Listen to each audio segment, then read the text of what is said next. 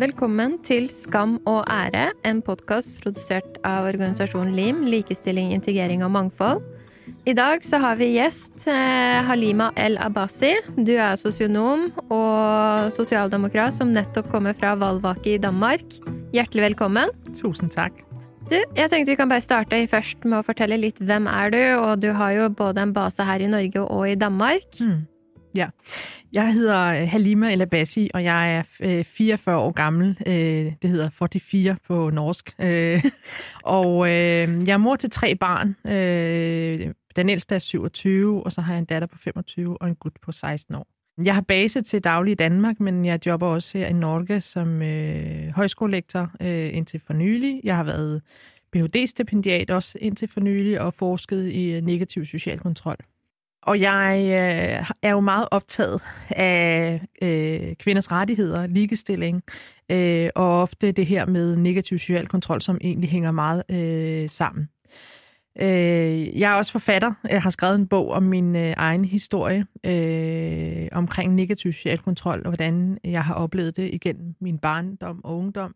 Og øh, udover det, så beskæftiger jeg mig også med alt muligt andet. Jeg er, er indtil for nylig været øh, folketingskandidat, øh, til, eller folketingskandidat øh, til øh, Folketinget, og for Socialdemokratiet. Og jeg har lige fået, øh, hvad hedder det, resultatet i går nat, eller går aftes.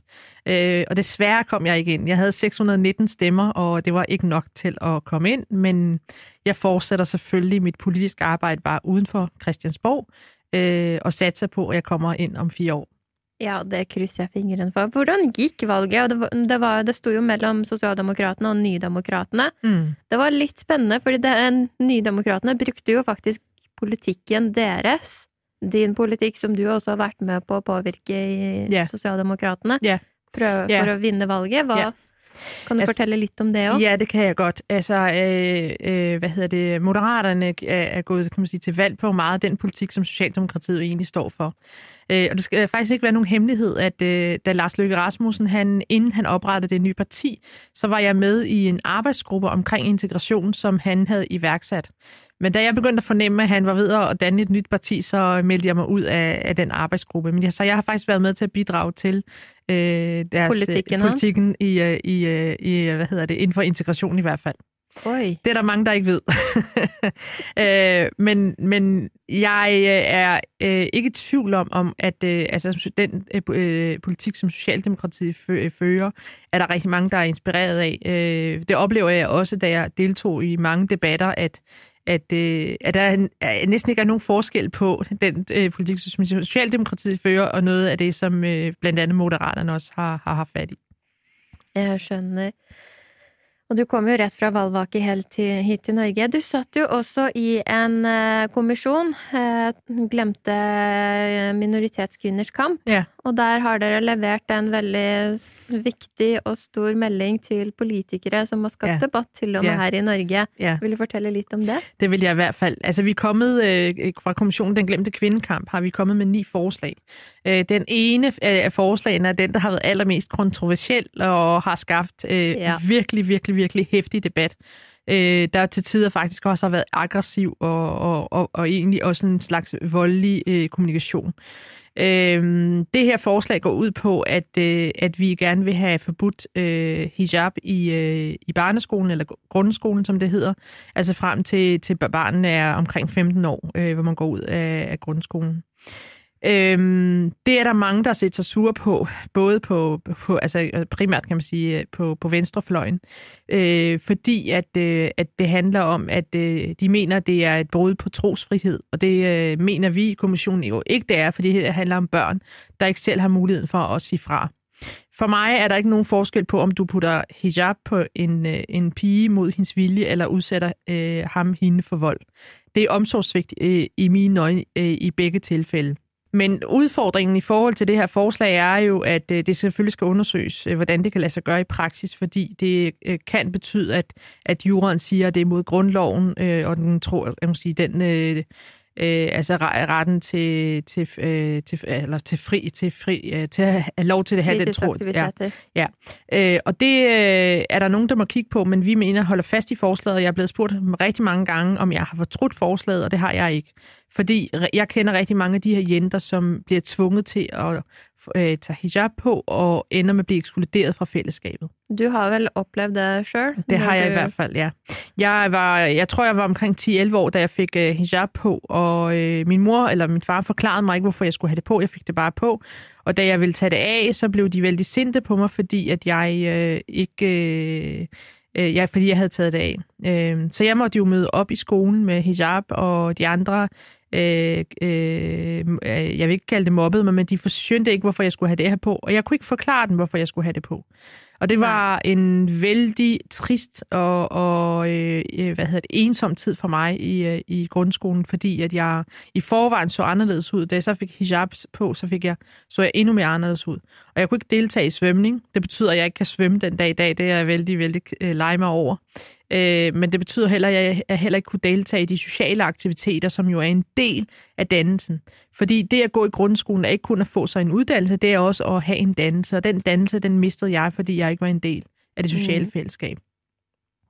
Jeg skjønner. Du har jo også fået nogle reaktioner fra marokkanske miljøer, som du nævnte tidligere. Ja.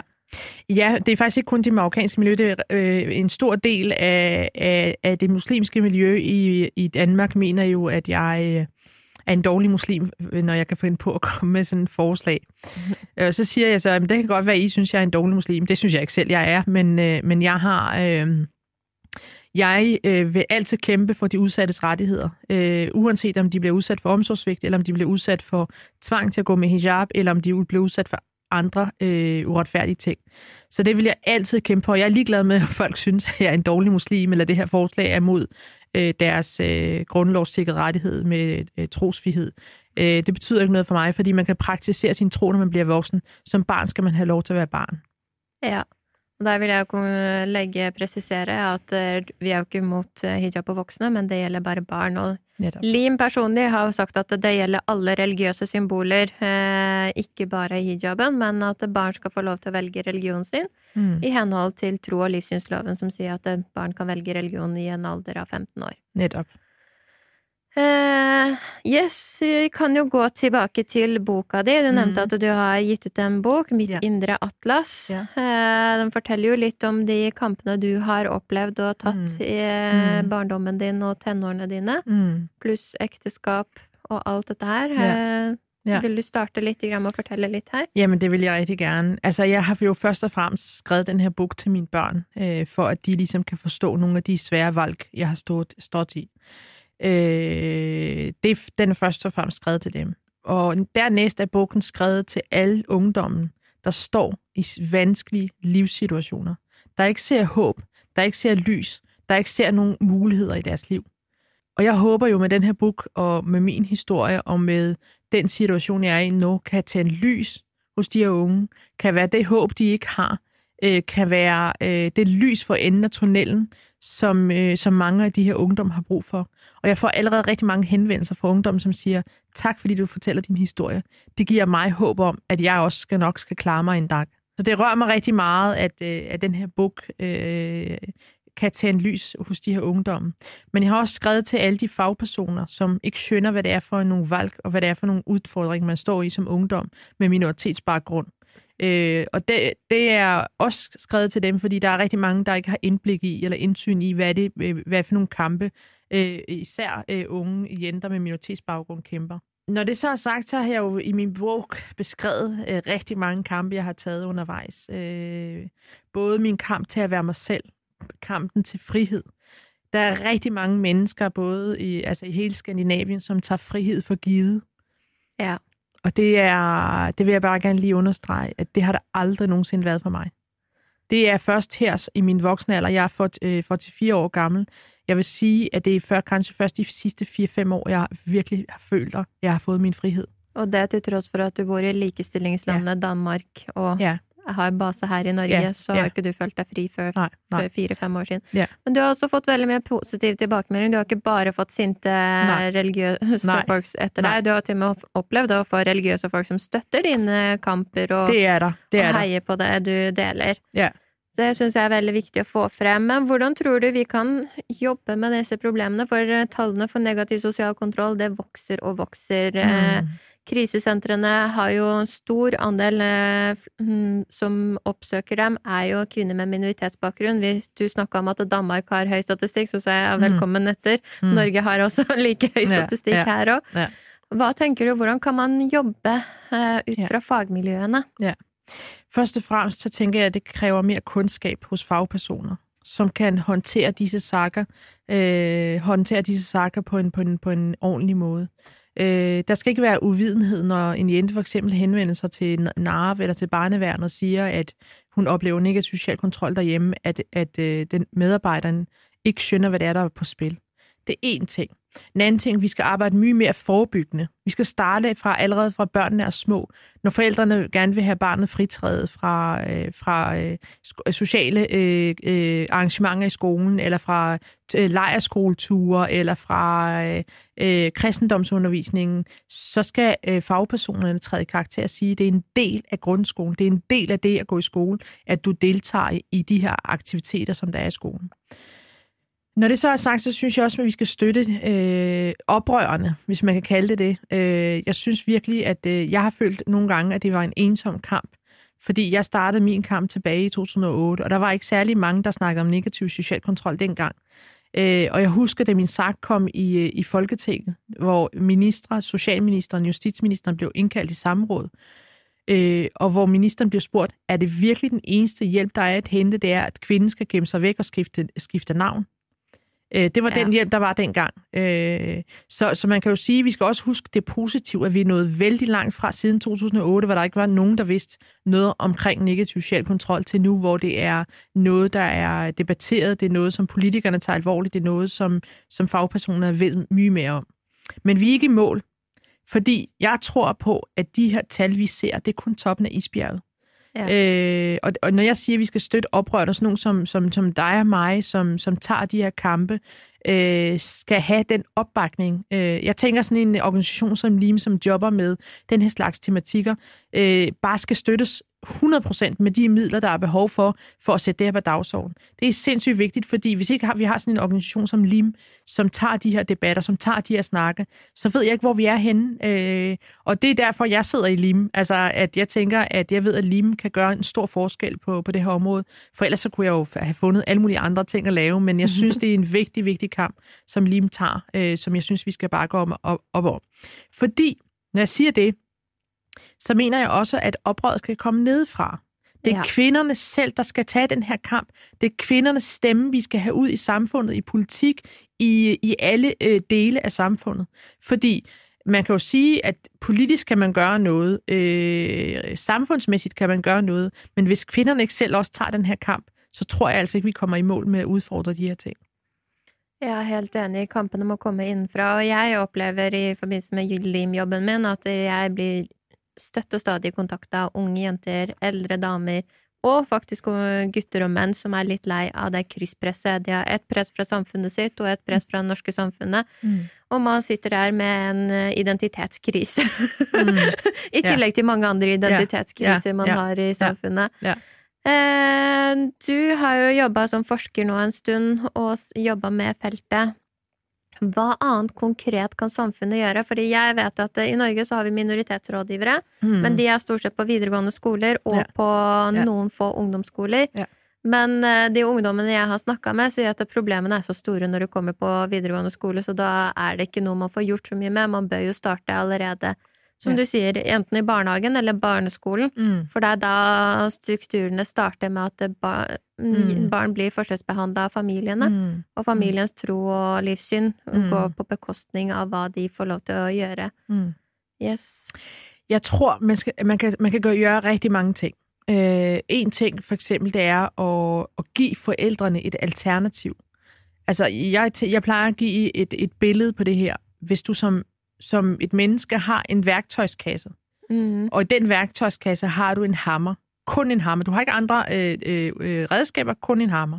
Så når du har et problem, så tager du den hammer op og bruger den. Hver eneste gang, du har en, en, en udfordring, et problem, så har du kun den hammer, du, skal, du kan bruge.